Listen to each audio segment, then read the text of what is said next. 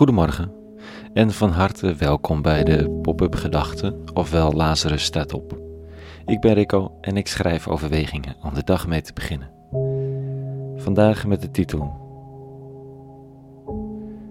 Kan ik nog stilzitten? Pop-up Gedachten dinsdag 5 oktober 2021. Adem in, adem uit. Sluit je ogen. Let op je ademhaling.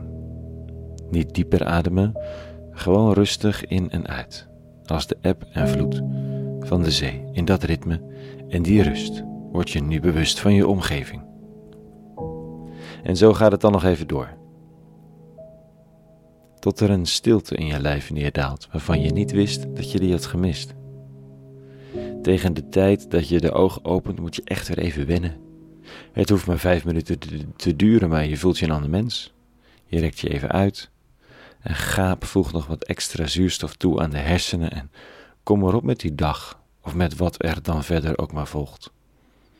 Er is wat meer eenheid ontstaan in jezelf, tussen geest, ziel en lichaam. In de pop-up kerkbijeenkomsten van de afgelopen jaren was er naast samen eten, brood breken, toosten met de wijn altijd een vast moment voor de ademhalingsmeditatie. Op YouTube heet het wel bodyscan. Je gaat even het lichaam bij langs en staat heel concreet even stil. Pas dan lezen we het Bijbelfragment van de dag en gaan over tot gesprek of een experiment met dat verhaal. Het is een onvervreemdbaar onderdeel geworden van de bijeenkomst. Het moment van even stilzitten. Dat heeft die Oosterse yoga ons dan maar mooi gebracht. Die grossieren in de kunst van het stilzitten. En vandaag vraag ik me af of ik het nog kan. Gewoon stilzitten. Inademen. Uitademen. En me afvragen wat de tekst of de dag me brengt. Of er een stem klinkt. Probleem is, zomaar wordt het een nieuwe vereiste op mijn lijstje. Naast alle taken en verantwoordelijkheden moet ik ook nu nog een moment gaan stilzitten. Waar haal ik de tijd vandaan? Vandaag een lezing over twee zussen. In die tijd kwam Jezus in een dorp, waar een vrouw die Martha heette hem in haar woning ontving. Ze had een zus, Maria, die gezeten aan de voeten van de, van de Heer luisterde naar zijn woorden. Maria werd in beslag genomen door de, of Martha werd in beslag genomen door de drukte van het bedienen, maar ze kwam er een ogenblik bij staan en zei: Heer, laat het u onverschillig dat mijn zuster mij alleen laat bedienen, zeg haar dan dat ze mij moet helpen. De Heer gaf haar ten antwoord: Martha, Martha, wat maak je je bezorgd en druk over veel dingen? Slechts één ding is nodig. Maria heeft het beste deel gekozen en het zal haar niet ontnomen worden.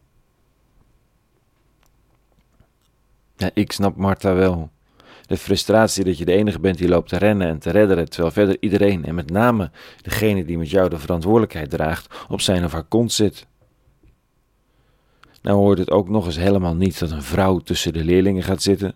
Goed, dat is nogal contextgebonden en voor ons niet zo goed voorstelbaar, maar het speelt natuurlijk mee. En dan zegt de rabbi dat het allemaal hartstikke belangrijk is wat ze doet, maar dat het ook een keuze is en dat Maria's keuze meer brengt in de wereld. Dus vraag ik me af of ik nog zit en luister.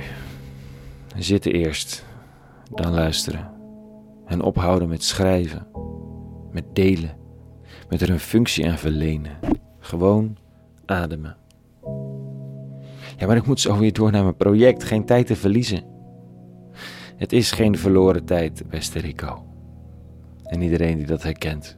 Het is pure tijdswinst. Het is het beste deel. Ik hou ermee op vanochtend, want ik wil nog even stilzitten en luisteren. Tot zover dus. Een hele goede dinsdag gewenst. Morgen weer een nieuwe pop-up gedachte en voor nu vrede gewenst. En alle goeds.